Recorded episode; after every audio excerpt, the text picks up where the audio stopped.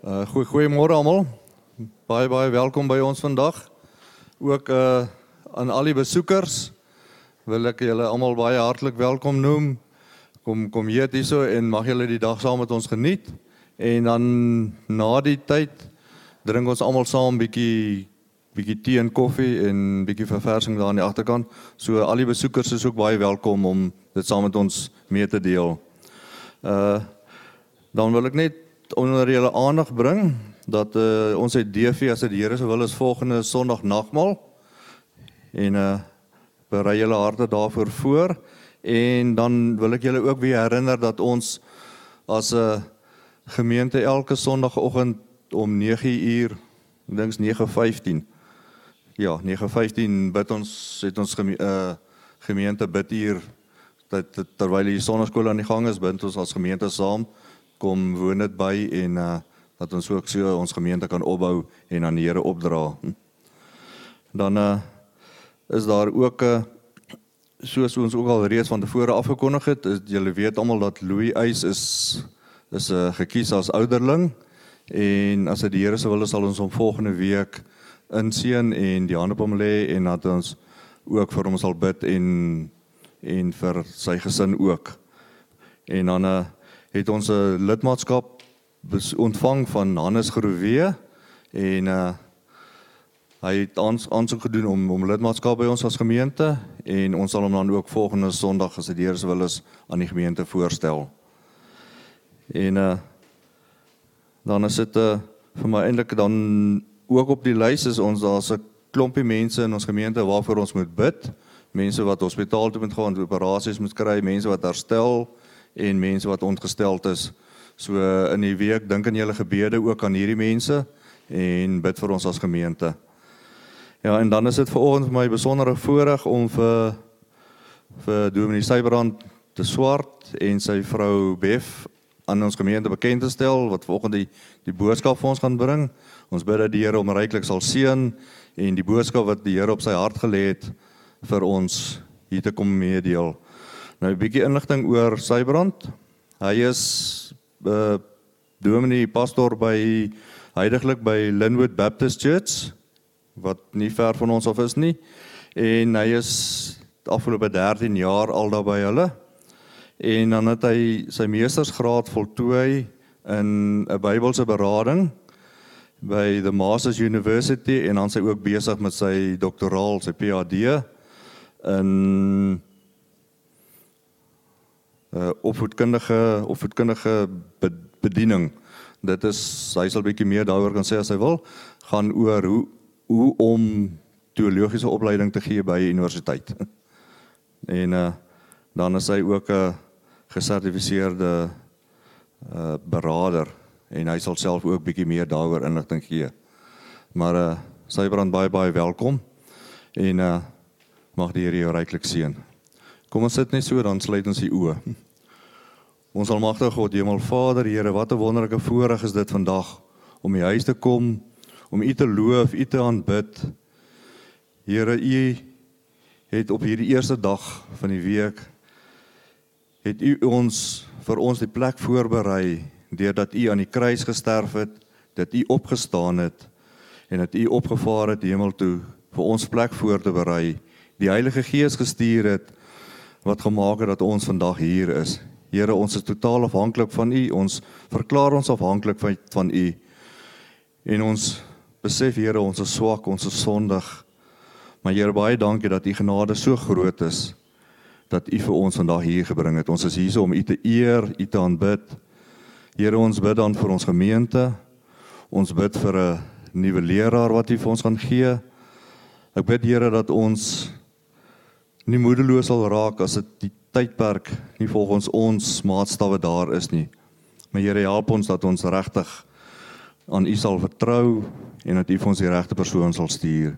Seën ook vir sy brand vandag in die boodskap en dat hy met vrymoedigheid kan sê so spreek die Here.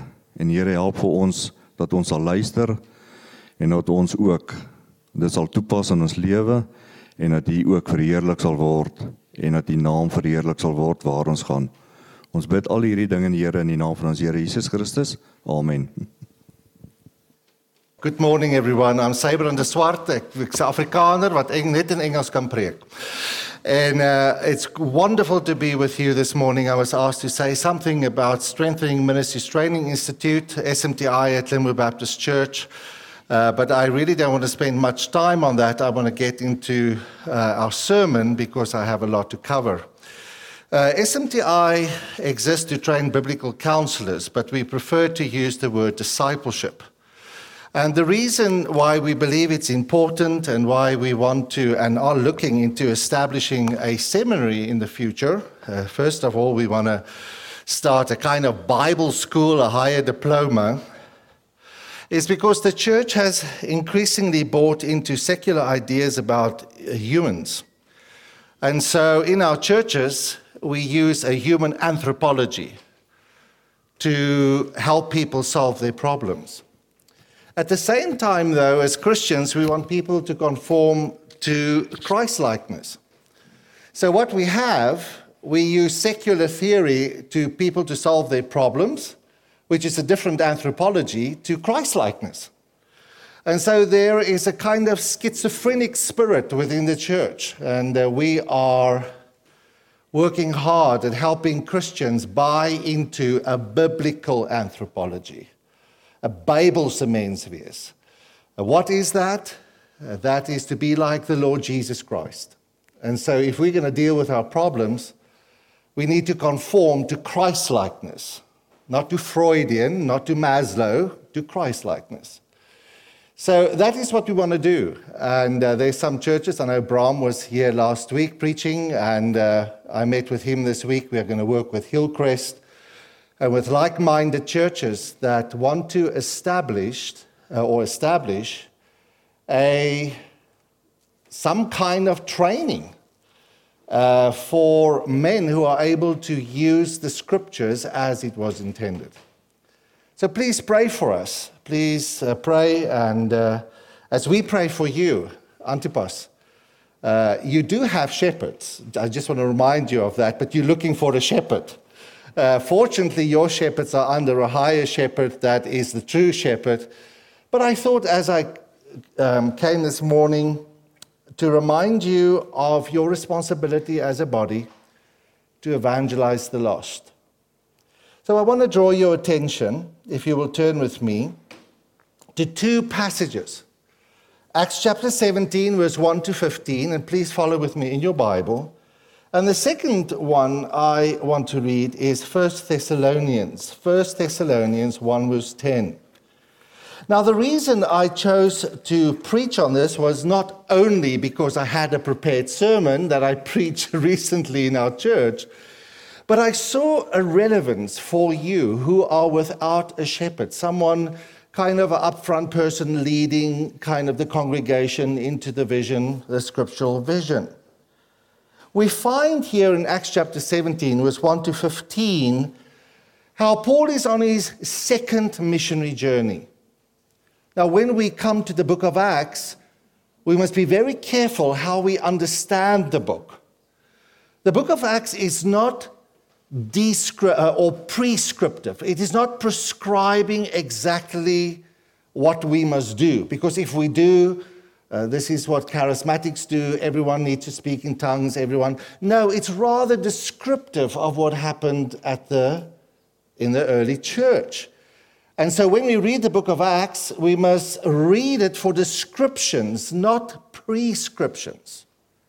So, what we are looking at this morning is a description of Paul's approach to evangelize the churched and the unchurched and that is happening in Thessalonica.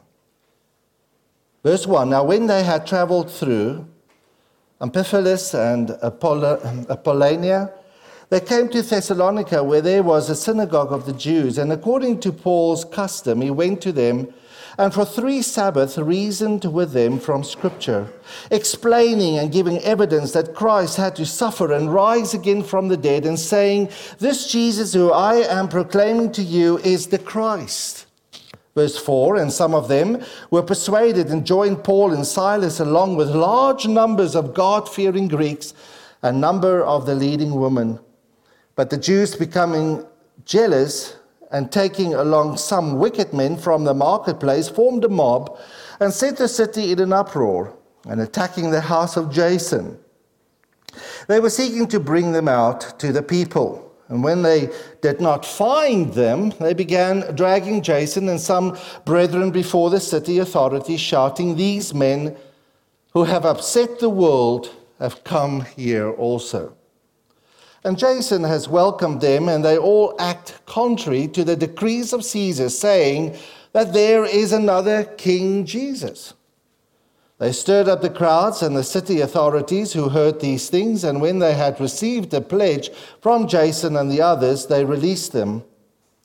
The brethren immediately sent Paul and Silas away by night to Berea, and when they had arrived, they went into the synagogue of the Jews.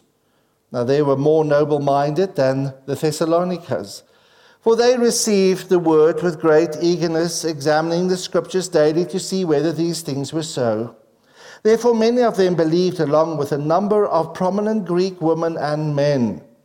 But when the Jews of Thessalonica found out that the word of the Lord had been proclaimed by Paul in Berea, also they came there as well, agitating and stirring up the crowds. And then immediately the brethren sent Paul out to go as far as the sea, and Silas and Timothy remained there in Berea. Now, those who were escorted brought um, escorted Paul, brought him as far as Athens, and receiving a command for Silas and Timothy to come to him as soon as possible, they left. A second passage I want you to turn to is 1 Thessalonica, the first uh, uh, Thessalonians. And I want us to consider something as that relates to you as a church and that I think we can take from this book, which is uh, teaching us on something that you as a church can embrace as you wait for your shepherd. Not just the one returning, but the one who will come and assist you. 1 Thessalonians chapter 1. Listen to Paul. He's writing this letter shortly after he was at Thessalonica. Paul and Silvanus uh, and Timothy to the church at Thessalonica um, of the Thessalonians, in God the Father and the Lord Jesus Christ, to you um, and peace. Grace to you and peace. We give thanks to God always for all of you, making mention of you in our prayers, constantly bearing in mind your work of faith, your labor of love, and the steadfastness of hope in your Lord Jesus Christ in the presence of our God and Father, knowing, brethren, beloved by God, his choice of you.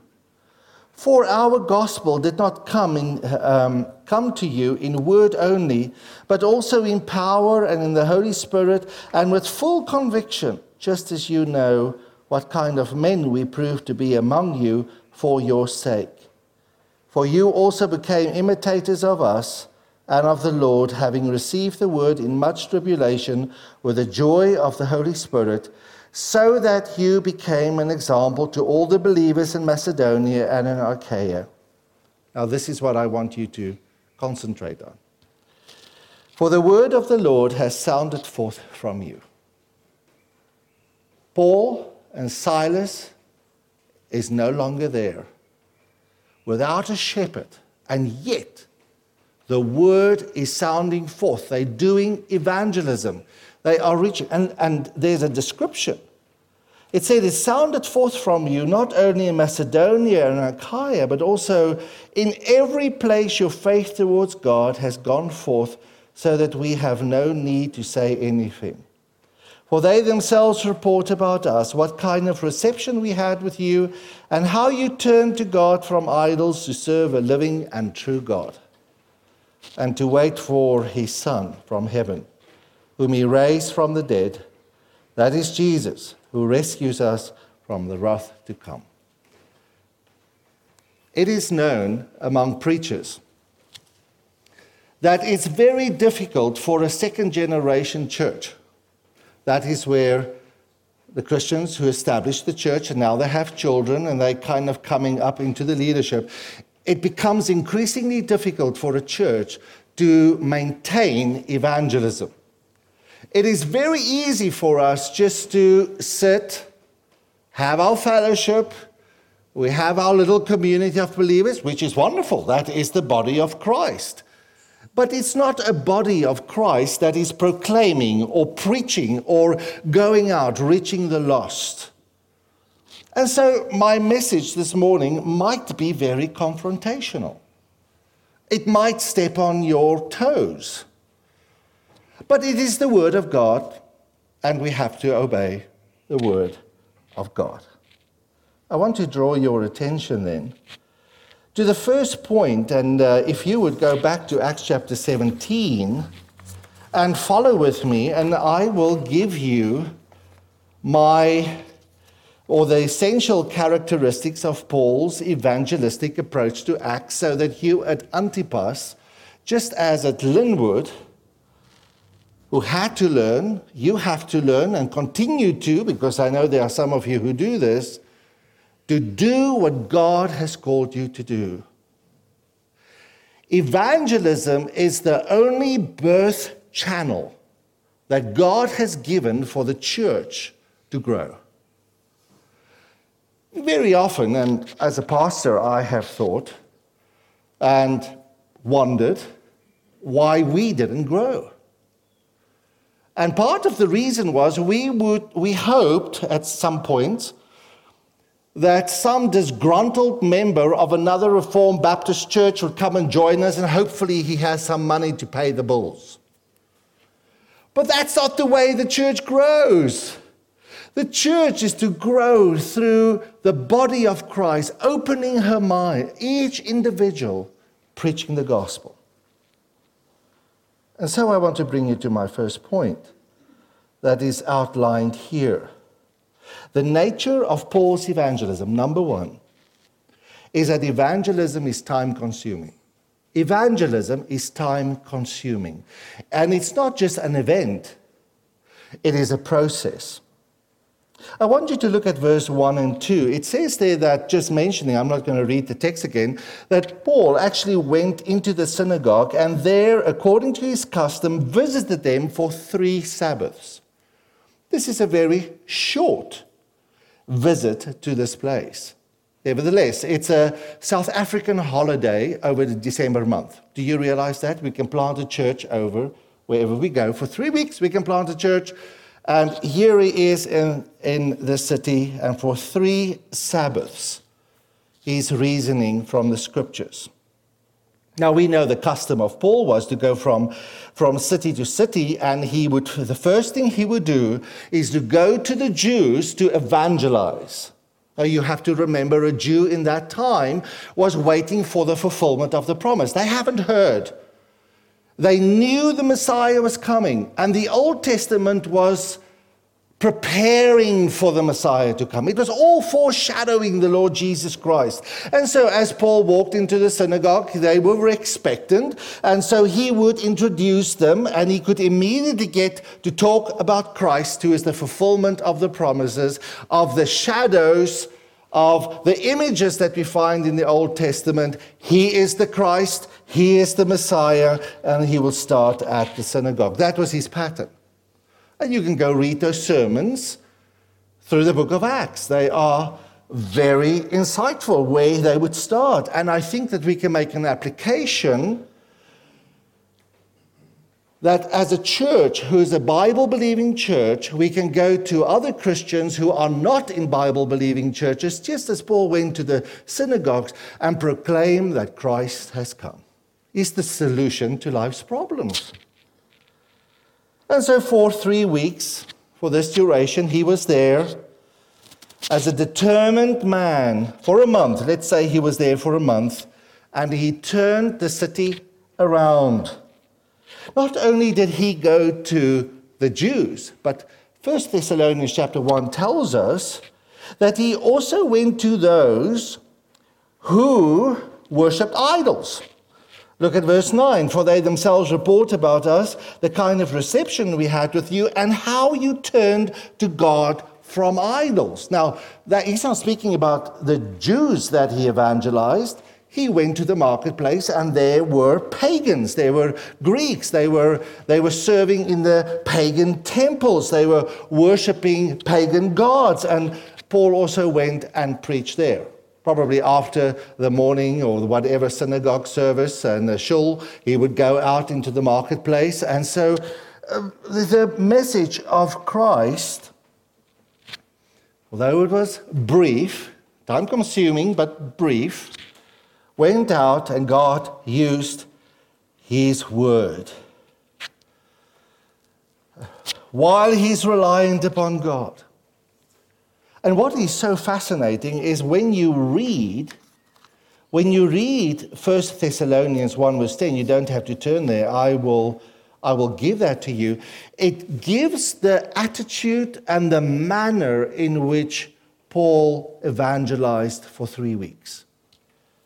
In verse 4 of 1 Thessalonians, it says, Knowing brothers and, and sisters, beloved by God, his choice of you Paul was a Reformed Baptist. He believed in election, he believed in choice. And uh, it, it controlled his mind. We're going to preach the gospel. And God's chosen people are going to hear it. That was part of his attitude. It was part of that which filled his mind. What is the evidence that someone is chosen? Is that they believe and they continue and they persevere in the faith. That is what happened here. The second thing that we read about his attitude for the three weeks, verse 5 For our gospel did not come to you in word only, but also in the power and the Holy Spirit, and with full conviction. That is such a beautiful picture. You know, when we preach the gospel, he knew as he preached that it was the word of God that was going to convince people that they are sinners. They are going to be convicted that they are sinners, and they are going to be convinced of the Lord Jesus Christ, the only Savior. So we preach Christ. In verse 6, we have a second or third attitude. This is so important for us. In verse 5, the second part of verse 5, uh, uh, Paul reminds him, he says, just as you know that what kind of men we prove to be among you for your sake. For your sake. He wasn't evangelizing to build the church because the members are leaving. It's kind of, we have to preserve ourselves when we're going to use evangelism. I struggled with that as a pastor. No, he was evangelizing for their sake.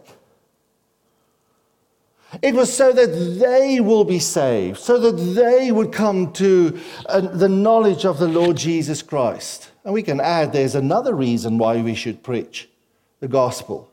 Because as people are saved, there are more worshippers that can worship our great King, the Lord Jesus Christ. And that should give us great joy and motivation.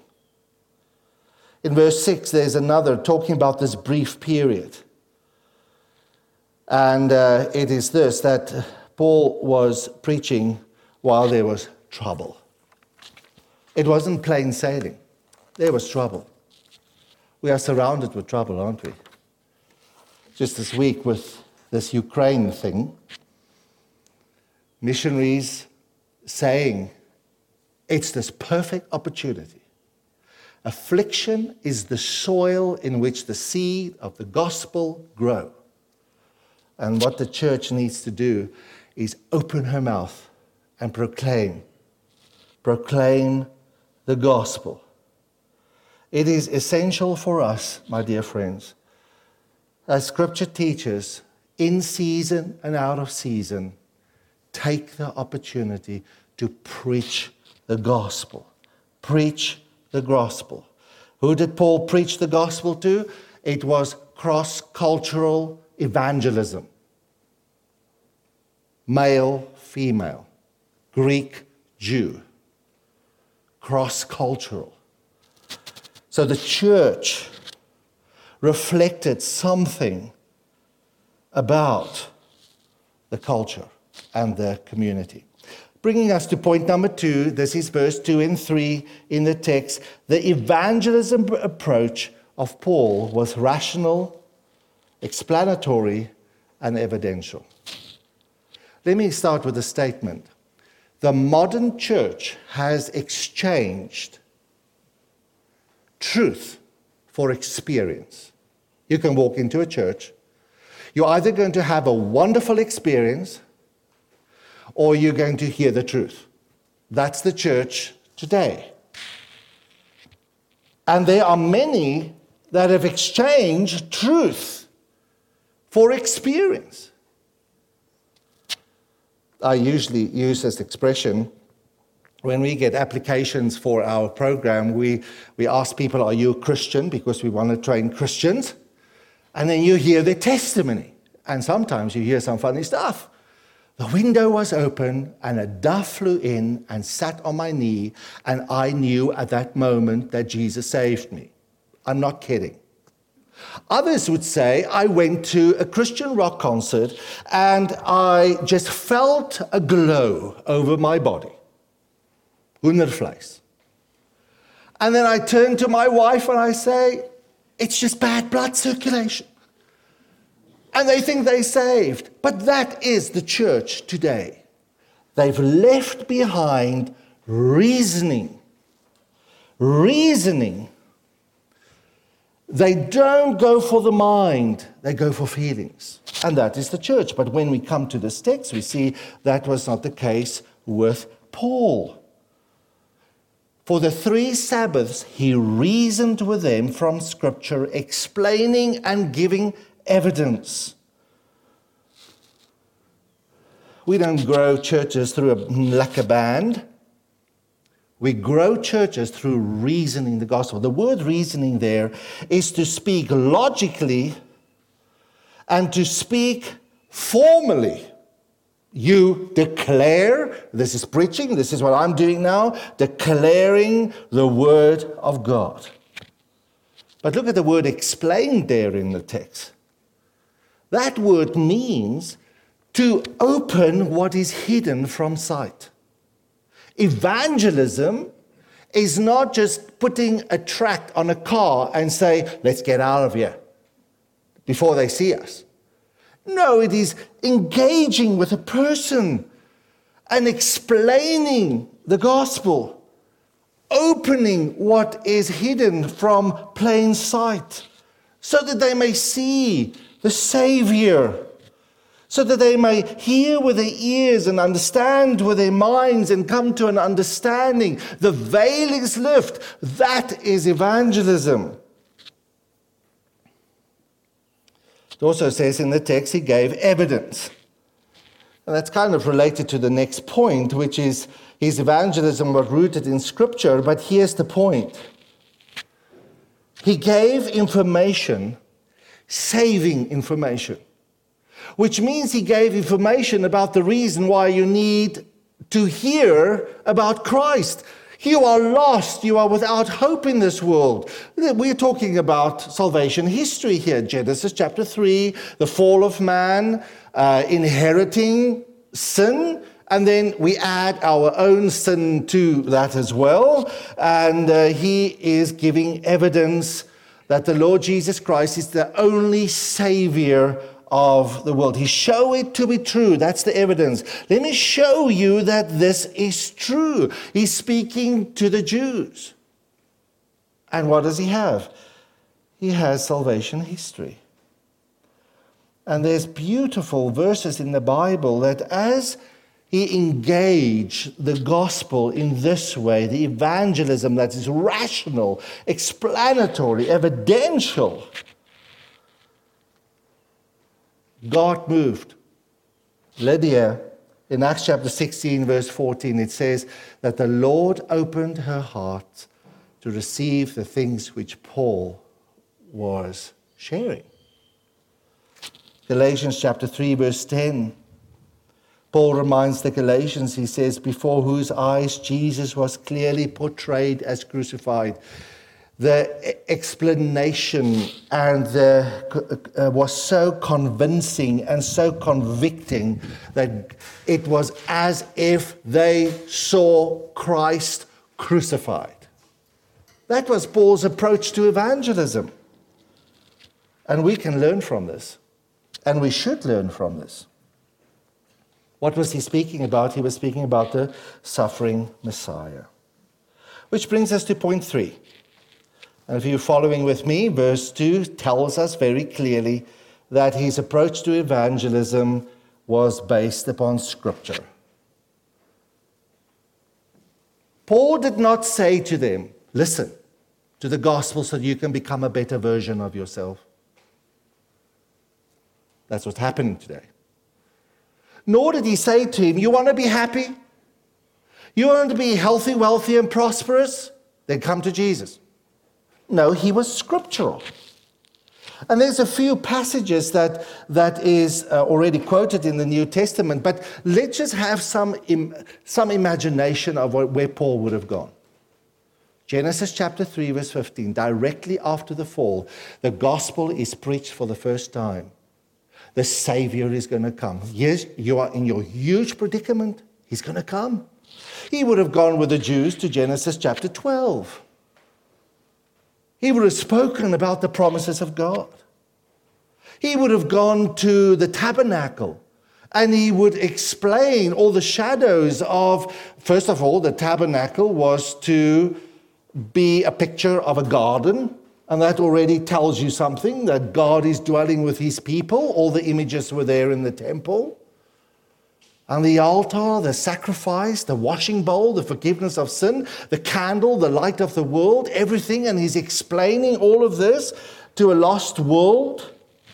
And then he gets to Isaiah 53 but he was pierced for our offenses, he was crushed for our wrongdoings. The punishment for our well being was laid upon him, and he was wounded. We are healed through him. And that's not healed from thyroid problems healed of our greatest problem, which is sin. That is how that text must be understood. All of us, like sheep, have gone astray. Each of us have turned to his own way, but the Lord caused our wrongdoing of us all to fall upon him. Paul preached the gospel from the Old Testament. Can you do that?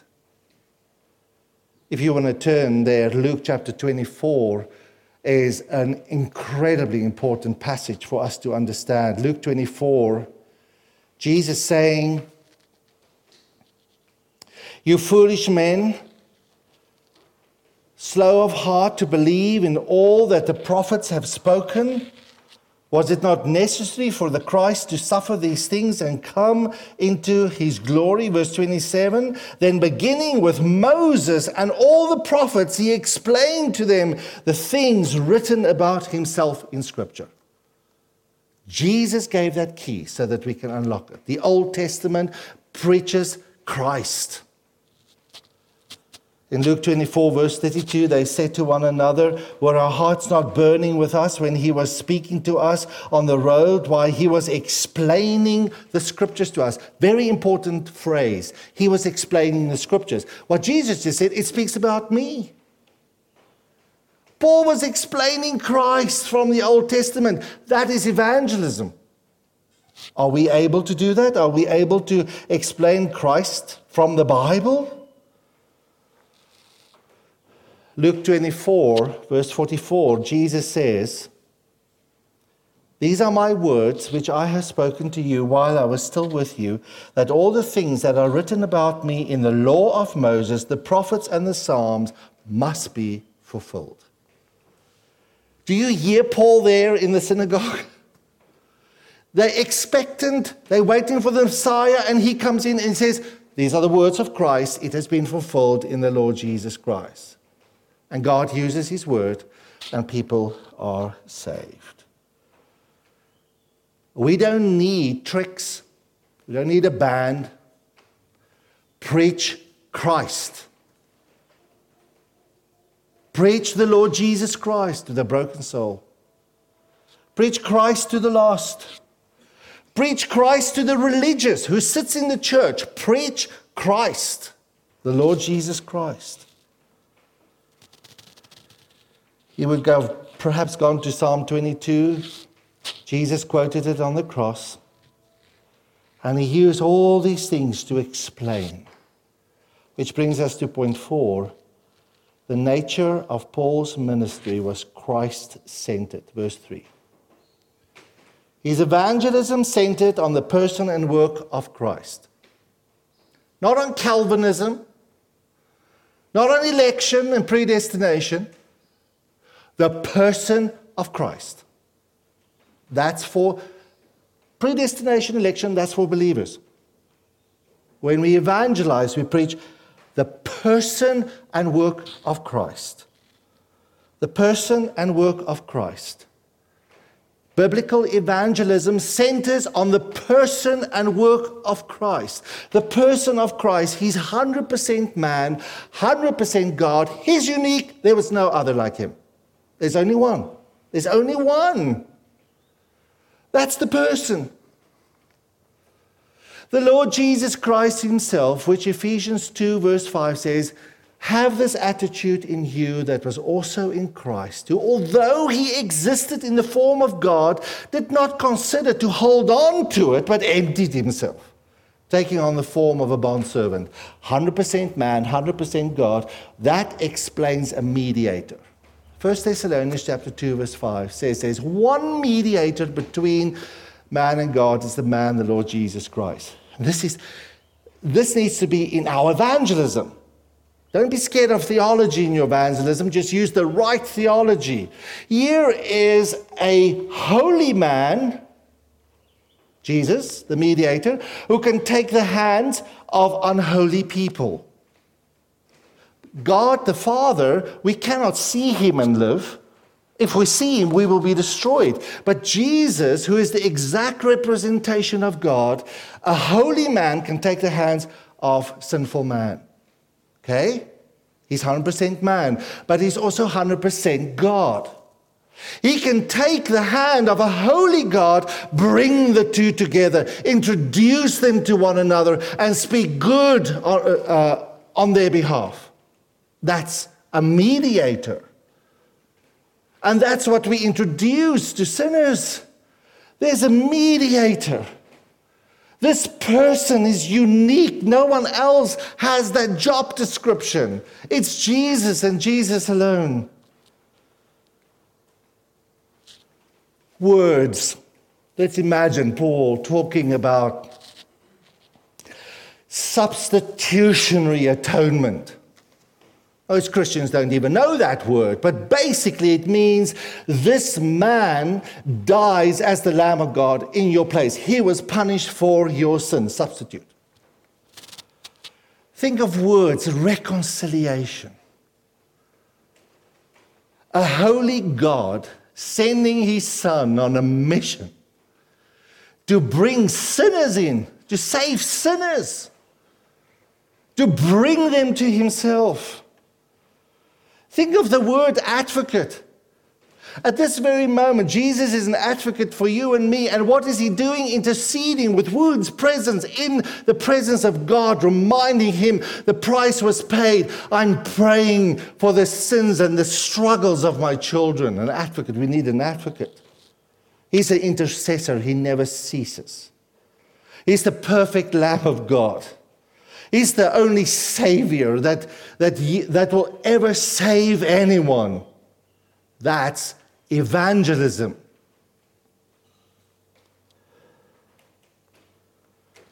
How incredible that Jesus, the unifier of God with his people, whom he created to worship him, who turned away from him. And if you think about Jesus hanging on the cross and his father shooting the arrows of his anger into his son, and Jesus absorbing the sin of sinners in his own body, and that's where it stops. That's evangelism. That's evangelism.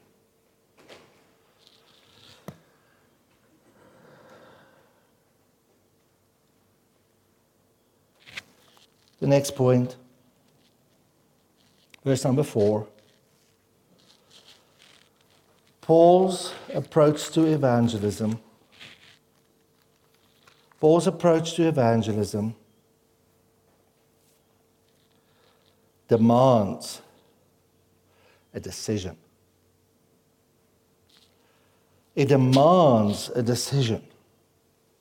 when we do evangelism, don't just evangelize and walk away. When we've evangelized, we have to believe that the, the Spirit of God is present to make Christ real.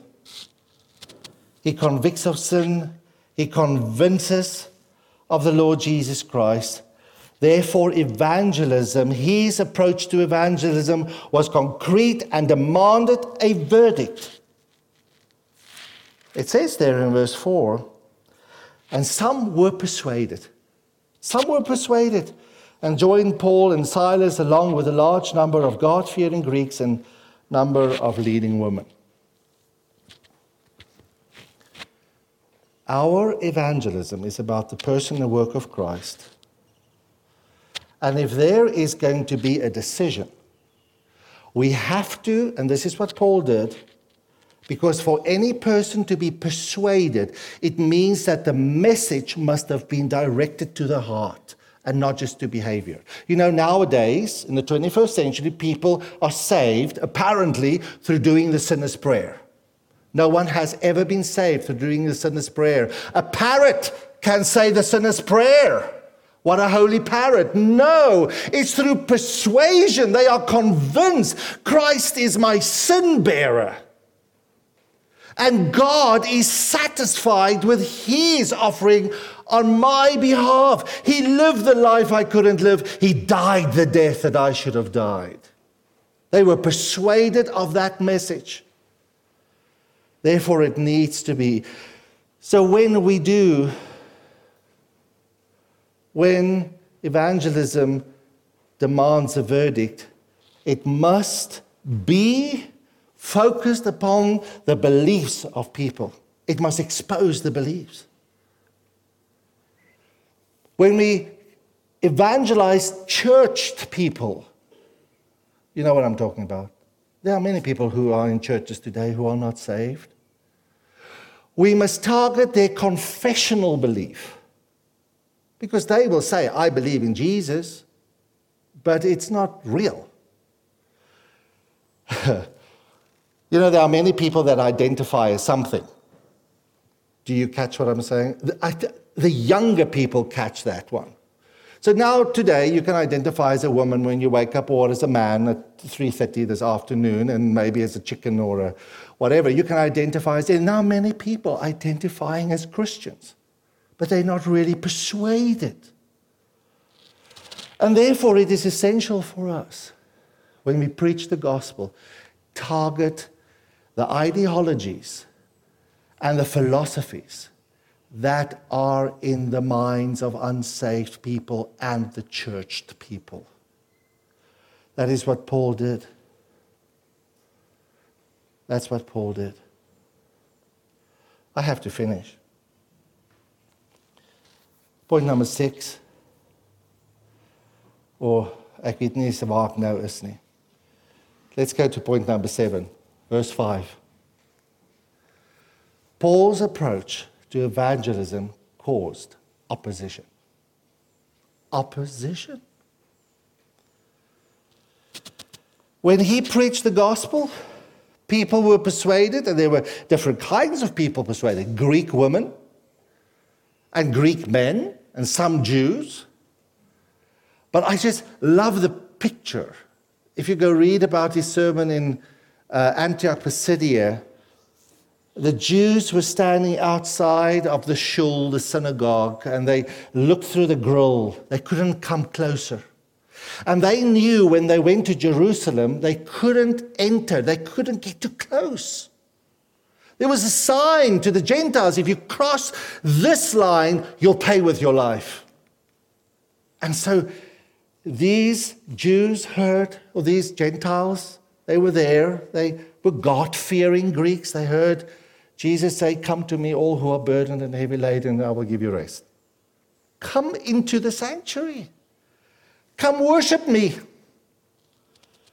And just this beautiful picture of Paul. And then you have the opposition. There was some sheep stealing going on there. The synagogue were full of, full of these rich Greek women who were supporting the synagogue. And here they come to believe in Jesus. They're persuaded. And now they go to Jason's house. And those Jews get so upset. You've stolen our sheep.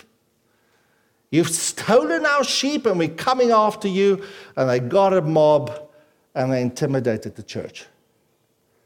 Evangelism always causes trouble, and it comes from two places.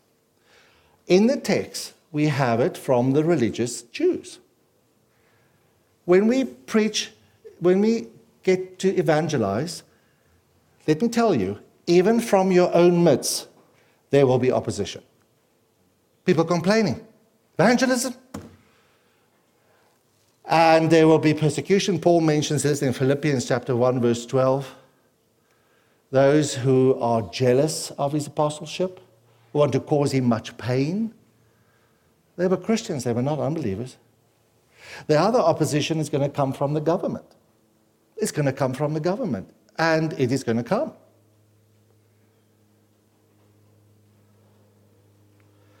So we have, we are greatly encouraged with this last point, aren't we?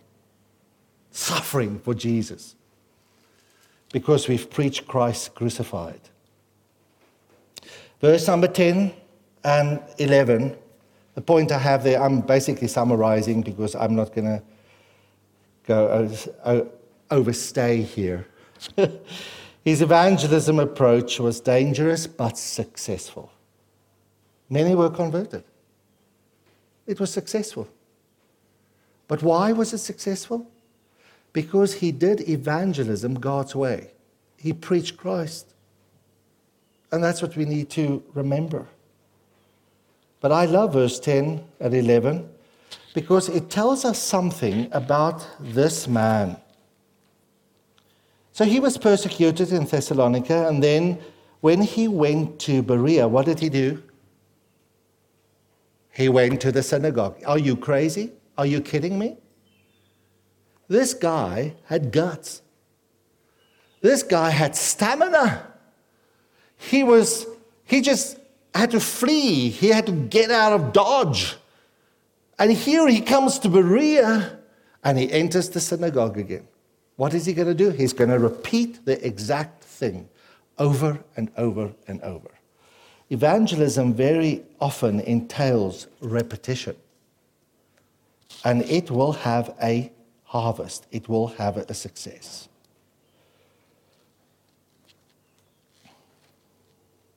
Look at verse 15, and then I'm done.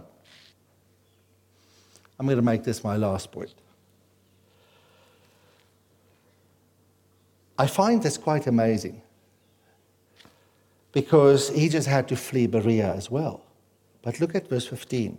Now, those who escorted Paul brought him to Athens and receiving a command for Silas and Timothy to come to him as soon as possible. Evangelism is always done in collaboration with others. It's not just a single thing. As you as a church decide we want to do evangelism, team up with someone. Here is the mighty Paul. He's a great guy. He's our hero of the faith. I mean, this guy is, I think he's made of stainless steel. It is just absolutely crazy to think that Paul would say, I need Timothy and I need Silas to be alongside me when I do evangelism. Now, if Paul said that, how about you and me? We need to do evangelism. We need to strategize. Fill your handbags with tracts. Write out the gospel. Have the church cards, and you know, that's what we do. I want to encourage you with this. I'm encouraging with the testimony. I'm closing down. Linwood Baptist Church was a dying church. Dying church.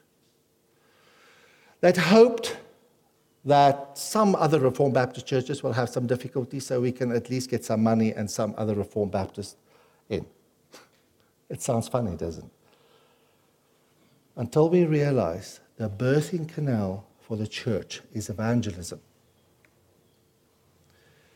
Last year, we did evangelism or Christianity Explored. Some of you might know about Christianity Explored.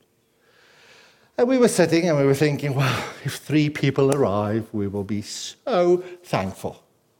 We're doing God's will. The first night, 37 people rocked up. We had to move all the tables out into the auditorium because there was not enough space. And there's a stupid COVID and this mask stuff. And, and every night, people were added. Of that amount, 20 stayed. We're doing a course just for starters. And there's baptisms coming. But what I'm trying to communicate to you as a church, when you look at what God has given to us, go preach the gospel, Antipas. You are surrounded with many people, and daar kom baie stories uit die uit. Okay? They need to hear the gospel. They need to hear the gospel. Get your arsenal ready. Get your families organized. We're having on the 5th of April, we're having our second, second um, Christianity Explored. And I have to say, I'm petrified. Because you know what? We have 20 people who dirty their nappies, spiritual nappies, the whole time, and I have to clean it. And where are we going to get all these people to disciple these people? But that's a good problem to have, isn't it? It is so sad. The Lord had to rebuke us as a church. I have given you a message to go proclaim. And we did it. And God saved people. On the 5th of April, we're starting. And the leadership can decide on this. If there's anyone that wants to be trained, but you dare not come to my church, okay? I don't want this church's problems in my church. You can come and look how it's done. You are welcome to come on the 5th. Okay? And I'm not even teaching. Maybe that's, maybe that's why they were revival. We have young men who wants to preach the gospel. We say, you do it. And there's like five of them, and they take the opportunity, and, they, and God just blessed it. God blessed it. Do you hear? You've been given a message. Go evangelize, strategize. There's a lost world out there. Go and save the lost so that there may be more worshippers of our great King, Lord Jesus Christ. That's all I want to say. Now, I think there's going to be a song, probably a response to this, I hope, some, some kind and then I will come and close in prayer. Now, the God of peace, who brought up from the dead the great shepherd of the sheep through the blood of the eternal covenant, even Jesus our Lord, may he equip you in every good thing to do his will, working in us that which is pleasing in his sight, through Jesus Christ, to whom be the glory forever and ever. And God's people says, Amen. Thank you.